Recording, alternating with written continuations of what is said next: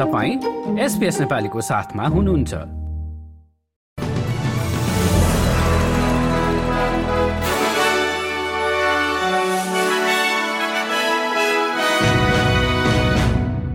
नमस्कार आज सन् दुई हजार तेइस सेप्टेम्बर एक्काइस र दिन हो बिहिबार। अब पालो भएको छ एसपीएस नेपालीमा। आजको संक्षिप्त समाचार सुन्ने। प्रसंग शुरू गरौं कोविड उन्नाइसका क्रममा भएका लकडाउन सम्बन्धी छानबिनको माग सम्बन्धी समाचारबाट। कोविड उन्नाइसका बेला अस्ट्रेलियाका राज्य र प्रदेशहरूले गरेका लकडाउन र सीमा बन्दको विषयमा छानबिन गर्ने चुनावी बाचा भुलेको भन्दै विपक्षी नेता पिटर डटनले प्रधानमन्त्री एन्थोनी आल्बानिजीको आलोचना गरेका छन्।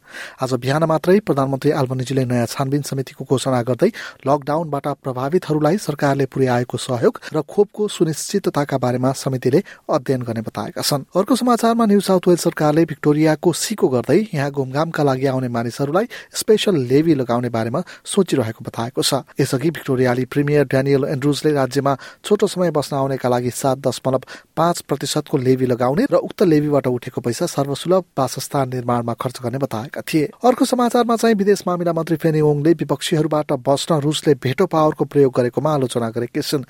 रुसले युक्रेनमाथिको आक्रमण नरसंहारलाई रोक्न भएको भन्ने दावीलाई युक्रेनले संयुक्त राष्ट्रसंघमा चुनौती दिइरहेको छ। अर्को समाचारमा वेस्टर्न अस्ट्रेलियाको फौजदारी संहिताबाट गर्भपतनलाई हटाइएको छ। प्रिमियर रोजर कुकले सुधारिएको कानूनले वेस्टर्न अस्ट्रेलियालाई अन्य राज्य र प्रदेश सरह बनाएको बताए। अब नेपाल सम्बन्धी प्रसंग संयुक्त राष्ट्रसंघको अठहत्तरौं महासभामा नेपालको नेतृत्व गर्दै न्युयोर्क पुगेका प्रधानमन्त्री पुष्पकमल दाहाल र नर्वेका प्रधानमन्त्री युनोस गार स्टोरेबीच राष्ट्रसङ्घको मुख्यालयमा भेटघाट भएको छ। प्रधानमन्त्री दाहाल र नर्वेका प्रधानमन्त्री युनोस बीच द्विपक्षीय सम्बन्ध र बहुपक्षीय सहकार्यका विषयमा महत्वपूर्ण छलफल भएको थियो। अब भने खेल समाचार एएफएलले खेलाडीहरूसँग दुई दशमलव दुई अर्ब डलरको तलब सम्बन्धी सम्झौता गरेको छ। जस अन्तर्गत महिलाहरूको तलबमा व्यापक वृद्धि र नयाँहरूलाई लामो सम्झौताहरू समावेश छन्। सामान्य महिला खेलाडीको तलब सन् दुई हजार सत्ताइससम्म बयासी हजार डलर पुग्ने बताइएको छ। हाल सामान्य महिला खेलाडीले छयत्तर हजार तलब पाउँदै आएका छन्। हस्त यसका साथै आजको संक्षिप्त समाचार यति नै। सुरक्षित रहनुहोस्। नमस्कार।